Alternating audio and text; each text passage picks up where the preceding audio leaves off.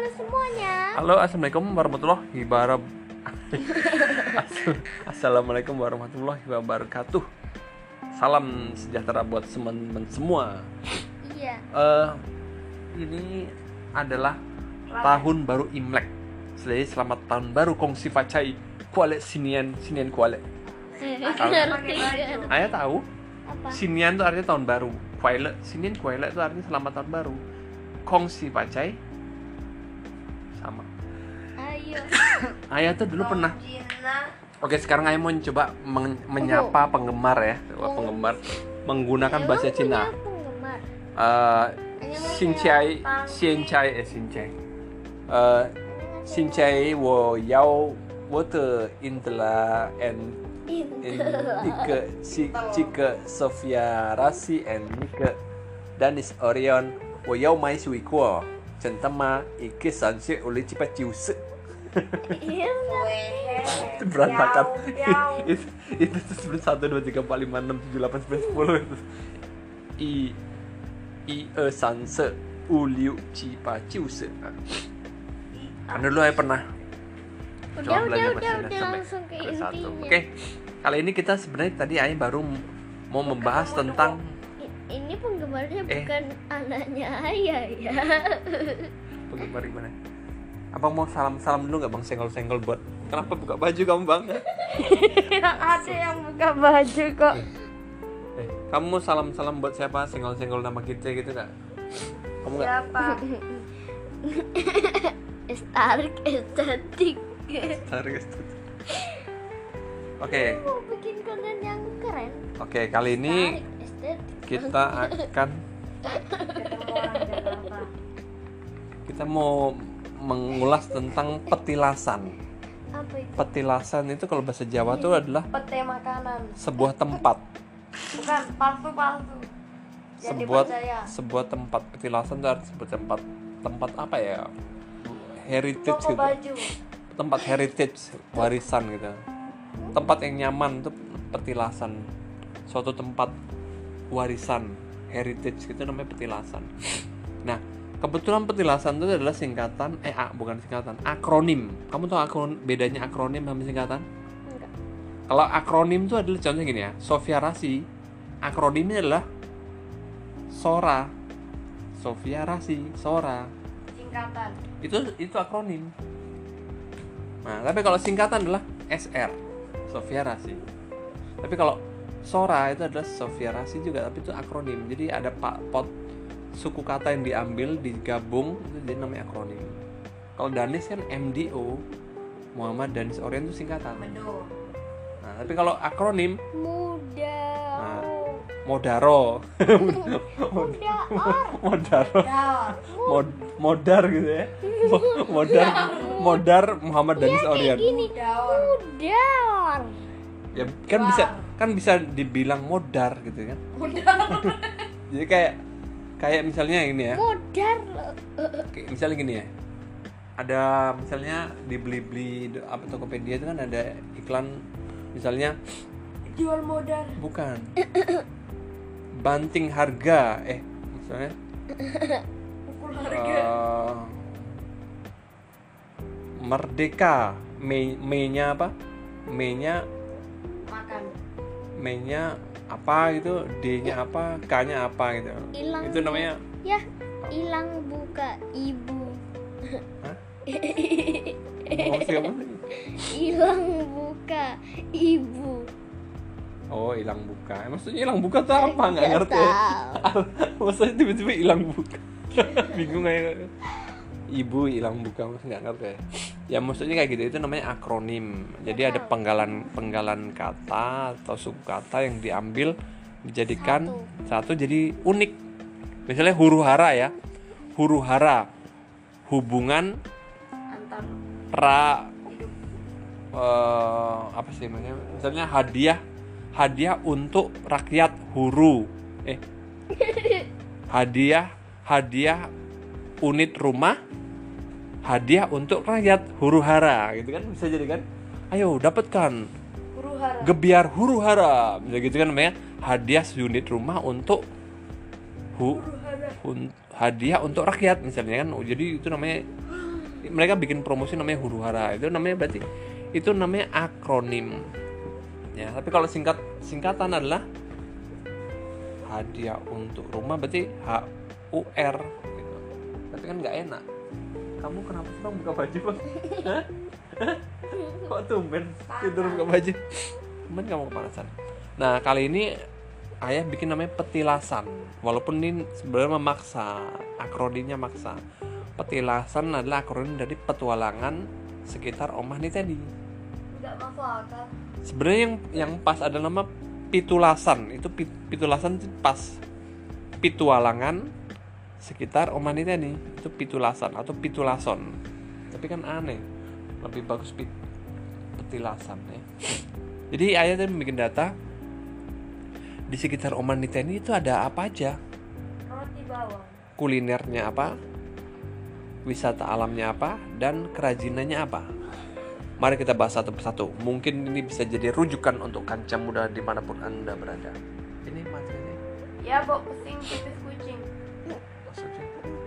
nah Kantornya bawa pipis kucing. oh, berarti kamu dong kucing kamu berarti nah sekarang kita mulai dari wisata alam Saya nggak peduli pipis kucing. wisata alam yang yang yang mungkin kita udah sering kenal jaraknya 30 menit dari Omaniteni. Omaniteni itu lokasinya di daerah Monggang ya, Sewon ya. Pantai selatan ada Parangtritis, Pandan Simo, ada Parangkusumo, Pantai Depok Sawah. itu pantai selatan yang daerah Jalan Parangtritis ya. Pantai Jalan Bantul. Nah, tapi pantai selatan tuh ada, ada lagi daerah Gunung Kidul kan pantai selatan juga, tapi terkenal dengan pantai Gunung Kidul sih. Ada Indrayanti, ada apa-apa gitu ya. Nah, Parangtritis kan orang udah kenal ya. Itu ada macam-macam pantai di sana.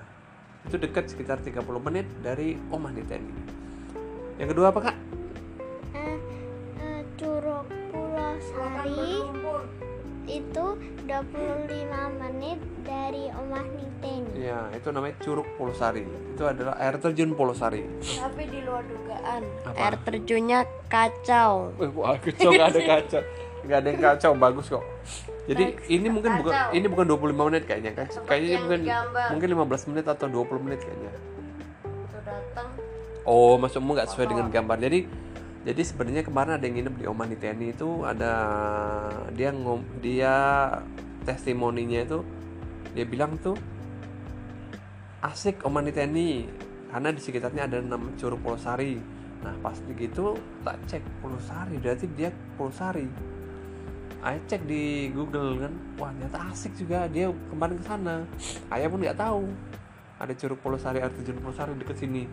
Ya udah akhirnya kita memutuskan untuk Pergi. pergi meninggalkan rumah untuk menuju Curug Polosari. Di foto ya bang ya, di foto tuh bagus ya. Air terjun bagus itu ada ada batu-batuannya gitu kan.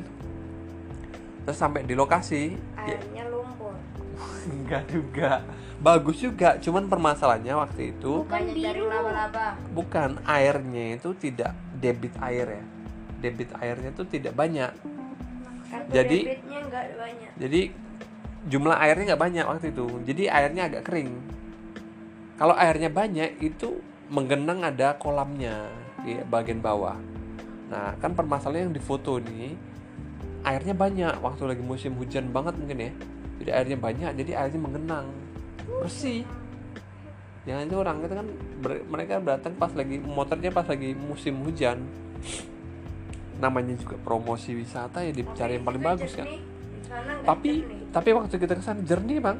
Nggak terlalu. ini kenapa tadi menjatuhkan? Terus lagi promosi bang masalahnya. Gak usah. Gak usah datang. enggak enggak abang ini promosi yang jujur tapi bener. Mungkin tidak sejernih yang sana tapi waktu kemarin kita ke sana ya nyemplung nyemplung ya kan sebenarnya bukan bukan coklat bang putih karena itu kan ada kapurnya ya jadi kapur baru sih nggak ada yang kapur tanah kapur. Asalnya kan daerah tanah kapur. Tapi airnya tetap bersih. Kemarin kan ayah nyemplung nyemplung kan berenam berenam Tidur. Udah mau tidur tidur. Ah, selanjutnya ada gumuk pasir. Itu di de- di dekat pantai selatan. Sebelumnya itu adalah Banyak padang kaktus. pasir yang luas.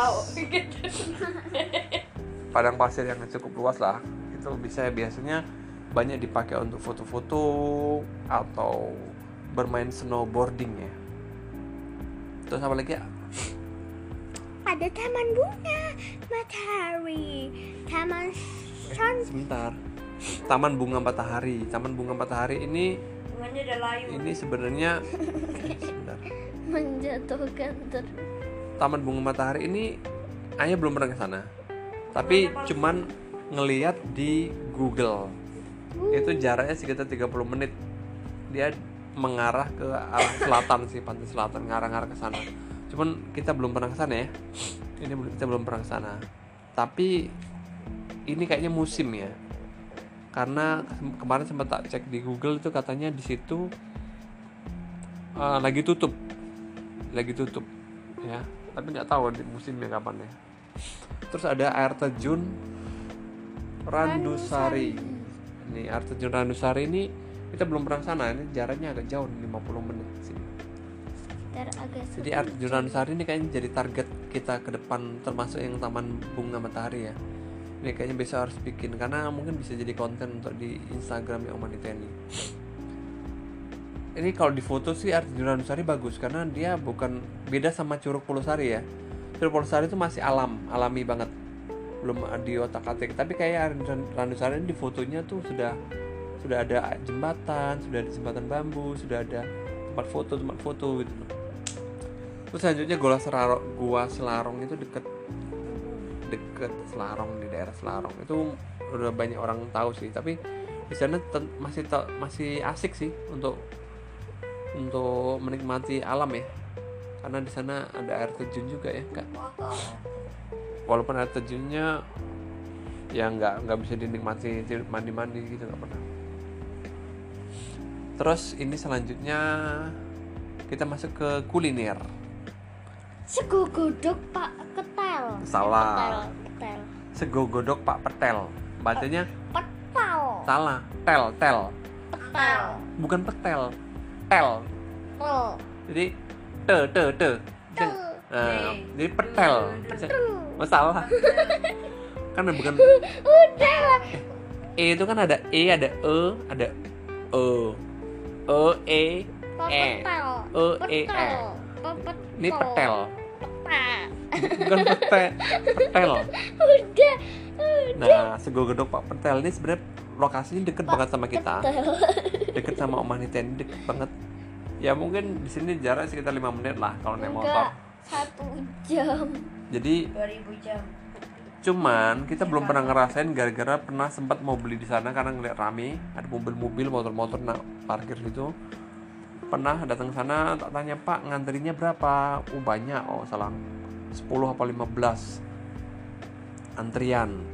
Terus biasanya ternyata mereka biasanya nunggu kalau nunggu itu bisa sampai 4 jam untuk pesen. Bayangkan mungkin kayaknya nggak 4 jam deh mungkin 2 jam 4 jam ya. Karena ngantrinya banyak banget ya. Dan kebanyakan ternyata ngakalinnya dengan cara kalau mau pesen itu WA dulu. Jadi WA dulu tiga jam sebelumnya WA nanti tiga jam kemudian baru kita ke sana. Kalau enggak akan nunggu di sana duduk nyantai selama 4 jam membosankan. Belum pernah nyoba sih. Terus selanjutnya ada apa bang Moon Roti bawang. abang nih kayaknya diajak kompromi nih Saya nggak bisa diajak kompromi. selanjutnya Moonlight Coffee. Moonlight Coffee. Ini kita belum terus terang belum pernah sana. Ini terserang terus. terus ini Lampu sponsornya sponsornya Philips jadi kita belum pernah ke Moonlight Coffee tapi ini tahunya dari Cafe. bukan tahunya dari yang pernah nginep di Omanita ini juga. Itu yang temen-temen Tom dari London itu dia bilang eh, dia habis dari sini mau pindah ke mau habis dari rumah ini mau nginep di mana? Di dekat Moonlight Cafe itu loh yang terkenal katanya. Loh, kita nggak tahu Moonlight Cafe. Ternyata Moonlight Cafe banyak dikenal orang juga. Katanya di sini tempatnya asik. Karena dekat sawah. Di depannya langsung sawah. Kok Mangut lele Mbah Marto. nah Mangkuk Lele Mbak Marto ini udah legendaris ya. Legend banget mbahnya dan mbahnya mbahnya masih masih ada mbahnya masih bukan maksudnya beda sama legendaris lain itu biasanya sudah nggak ada orangnya. Oh hilang. Sih diculik sama mbah ya. nah uniknya lagi mangkuk lele Mbak Marto lelenya tuh Super. langsung lelenya tuh diambil langsung dari dapur. Kita ngambil menu-menunya tuh langsung dari dapurnya langsung yang yang mana masaknya itu pakai tungku asap-asap maksudnya jadi dapurnya penuh asap Jadi harus merasakan seperti di sauna. nah jadi bau jadi keluar dari Mbah Marto kita baunya udah asap baju baju Keluar dari Mbak Marta Dan- mau masuk tubuhnya Mbak Marta.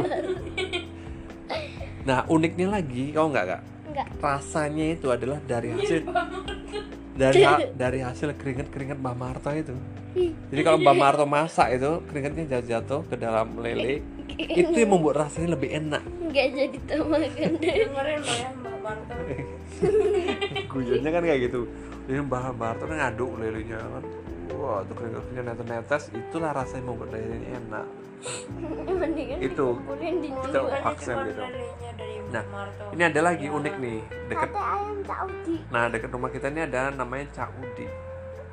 Cak Udi ini dia dia teman ronda ayah Cak Udi karena satu kampung dengan kita. Terus uniknya lelenya eh lele satenya itu di pinggir jalan Bantul itu dia kayaknya nggak menyediakan tempat duduk ya. Jadi kebanyakan sih bawa pulang ya. Jadi kalau mau beli situ bungkus.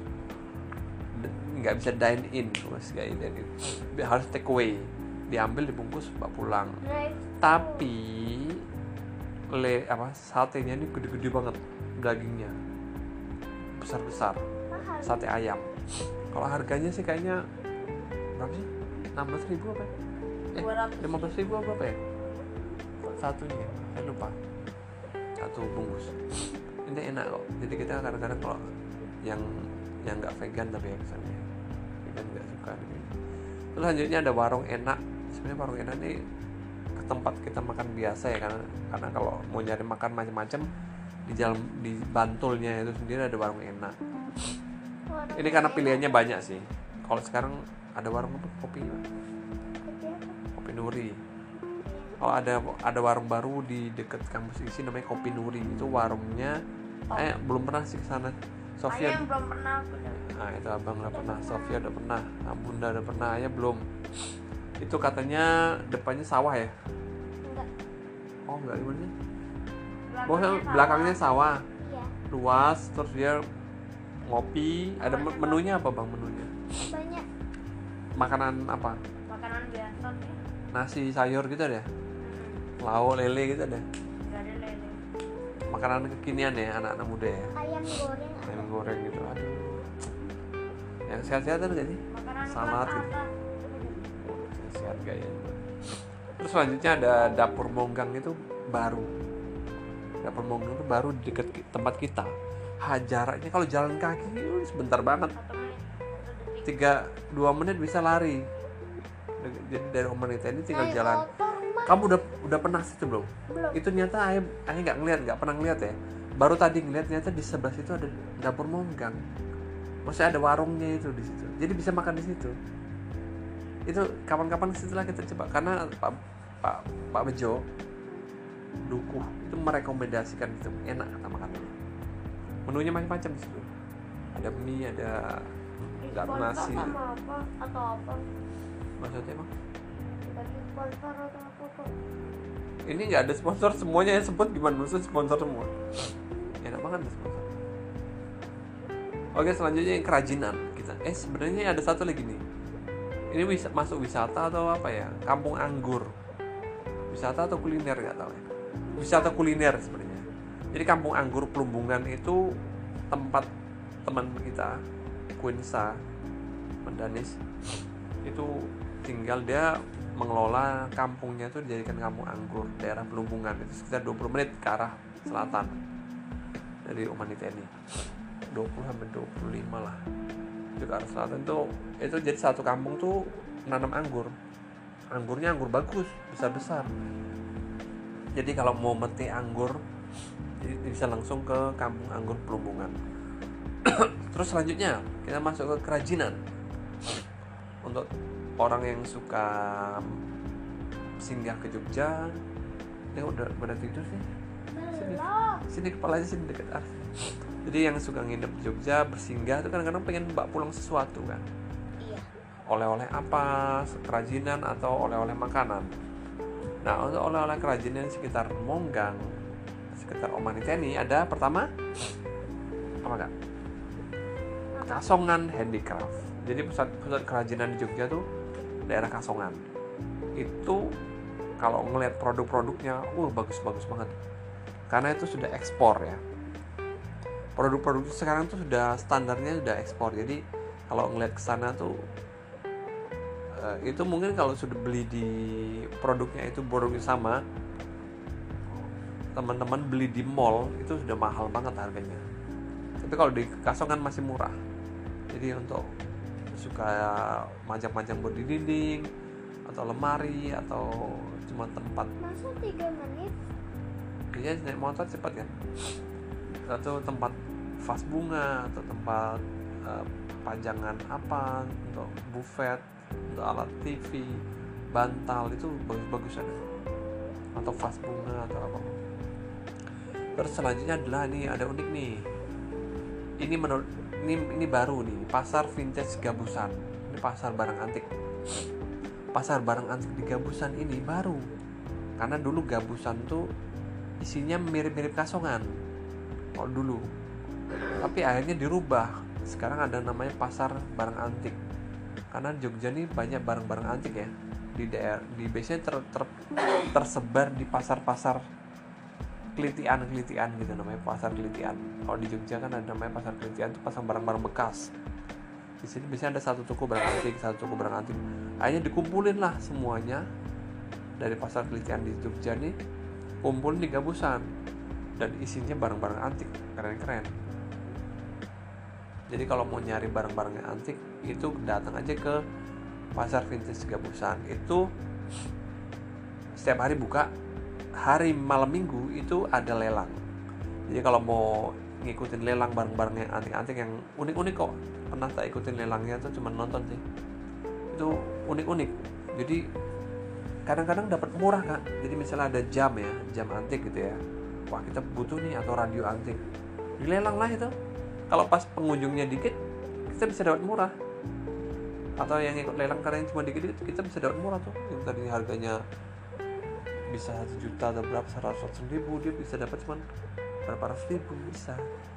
Untung-untungan bisa karena nggak ada yang nawar. Oke selanjutnya ada selanjutnya ada Manding tahu sendiri ya pusat kerajinan kulit. Manding itu udah tahu di sana ada banyak-banyak jenis produk kulit mulai dari sepatu tas eh, dompet dan sebagainya lah. Itu banyak. Bagus-bagus juga sih kalau pintar-pintar milih. Selanjutnya ini unik nih ada pottery pottery K pottery K pottery ini eh, kerajinan keramik eh, kerajinan keramik ya. Itu itu bagus-bagus karena eh, dia membuat mug membuat vas dan sebagainya. Kebanyakan mug ya. Itu bentuknya bagus-bagus dan ada bentuknya hasil finishingnya menarik menarik ya bagus-bagus kok. Jadi ini art- artisan keramik. Itu jaraknya dia, dia di kalau nggak salah dekat kasongan nih sekitar 8 menit dari sini. Terus kalau kalau misalnya pengen yang sedikit kayak kayak mall gitu tapi kerajinan tuh di daerah Juli namanya Joli Joli. Joli ini toko tapi isinya kerajinan kerajinan home decor dan sebagainya. Itu dekat Wiro Brajan ya lumayan lah ada sekitar 25 menit lah dari Omanite ini jadi oke ini sem- sementara ini baru petilasan yang pertama mungkin ya karena mungkin nanti akan ada daerah-daerah baru wisata kuliner dan kerajinan-kerajinan baru yang bermunculan di sekitar Omanite ini Iya. Siapa? ya nggak tahu eh mati mati ya Hah? masih nggak sih masih jadi ada ber- berbagai macam kerajinan baru yang bermunculan di sekitar Omanite ini Nah, itu petilasan edisi pertama. Selanjutnya, Dapur menggang tuh didana, didanain orang kan? oh dapur monggang. Dapur monggang itu kan punya salon RCSM bang. Nggak didanain. Nggak tahu dia dana mereka atau siapa. Tapi kan kayaknya seperti salon RCSM kan Eh, jalan, tapi mungkin pengen lebih rame. Lalu dibikinlah kuliner di sebelahnya.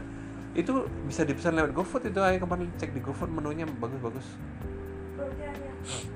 itu menunya dan kita enak ada warung dekat bisa kita coba tuh oke mantap kan nah terus unik juga nih kalau di Oman di bikin warung juga nih keren karena dia bisa kita bisa juga bikin saingan Nggak ada.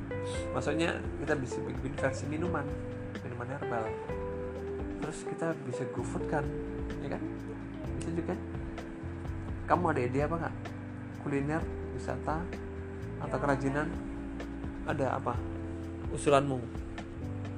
Kira-kira daerah-daerah atau kuliner yang enak menurutmu? Kuliner yang enak? Sekitar sekitar. Munggang entar soto paling soto Pak Parman ah, bukan bakso itu em, entar kilo eh, salah. Salah. Cilo Pak Pak Dul aku tahu. Indomaret. Waduh Indomaret aja bukan. Atau em, boba time what time ya itu selera sama candu candu candu itu boba ya itu warung boba tuh namanya mereknya candu tapi belum. Waduh, abang nih nanti digerembek kita bang bahaya bang nih masuk podcast nanti. Enggak, ya, j- itu namanya candu itu nama nama boba warung boba. Tapi kamu udah pernah kok nyoba? udah Serius? Kok ya nggak tahu? Oh, itu yang di sekitar Monggang. Kalau abang nih apa bang? Kalau kamu, kalian chicken crust kamu ya? Apa bang? Menu sekitar Monggang enak apa? Ma- nasi beras. Dah, pergi. Nasi beras gimana? Saya nggak ngerti ya.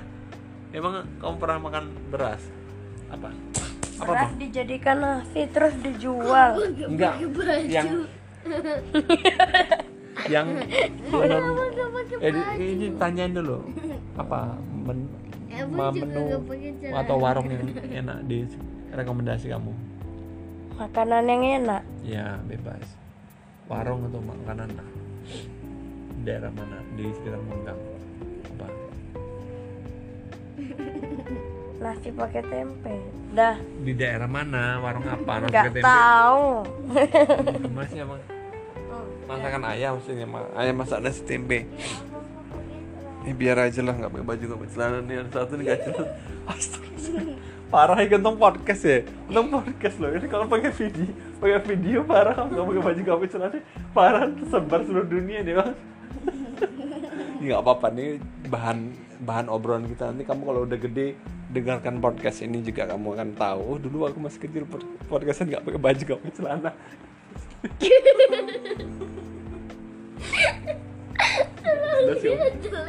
celana jojon nih. Sampai atas Oke, mungkin mungkin edisi depan ayah mau, mau ngomong tentang alasan alasan kita bikin podcast ini. Alasan ayah bikin podcast ini. Apa? joglo Maksudnya? joglo Coba joglo. Warung. Di mana joglo? itu? Di mana? kuliner Di mana itu joglo warung joglo? di joglo Di mana sih warung joglo ya nggak ngerti? Aku tahu ini aja menanti Oh, nanti mall. Punyanya si siapa? Tangku dan bereh ya namanya. Siapa? ya itu. Punya. Jerome Nah, Kak ya. bang Kok emang iya aku kok emang ini Kak Jerem bener lebih muda doanya. Oke ya, itulah itu kita petilasan petualangan eh, sekitar Omah Niteni. Mungkin pitulasan pas ya. Pitulasan petualangan sekitar Omah Niteni. Sampai jumpa di edisi berikutnya. Dadah. Assalamualaikum warahmatullahi wabarakatuh.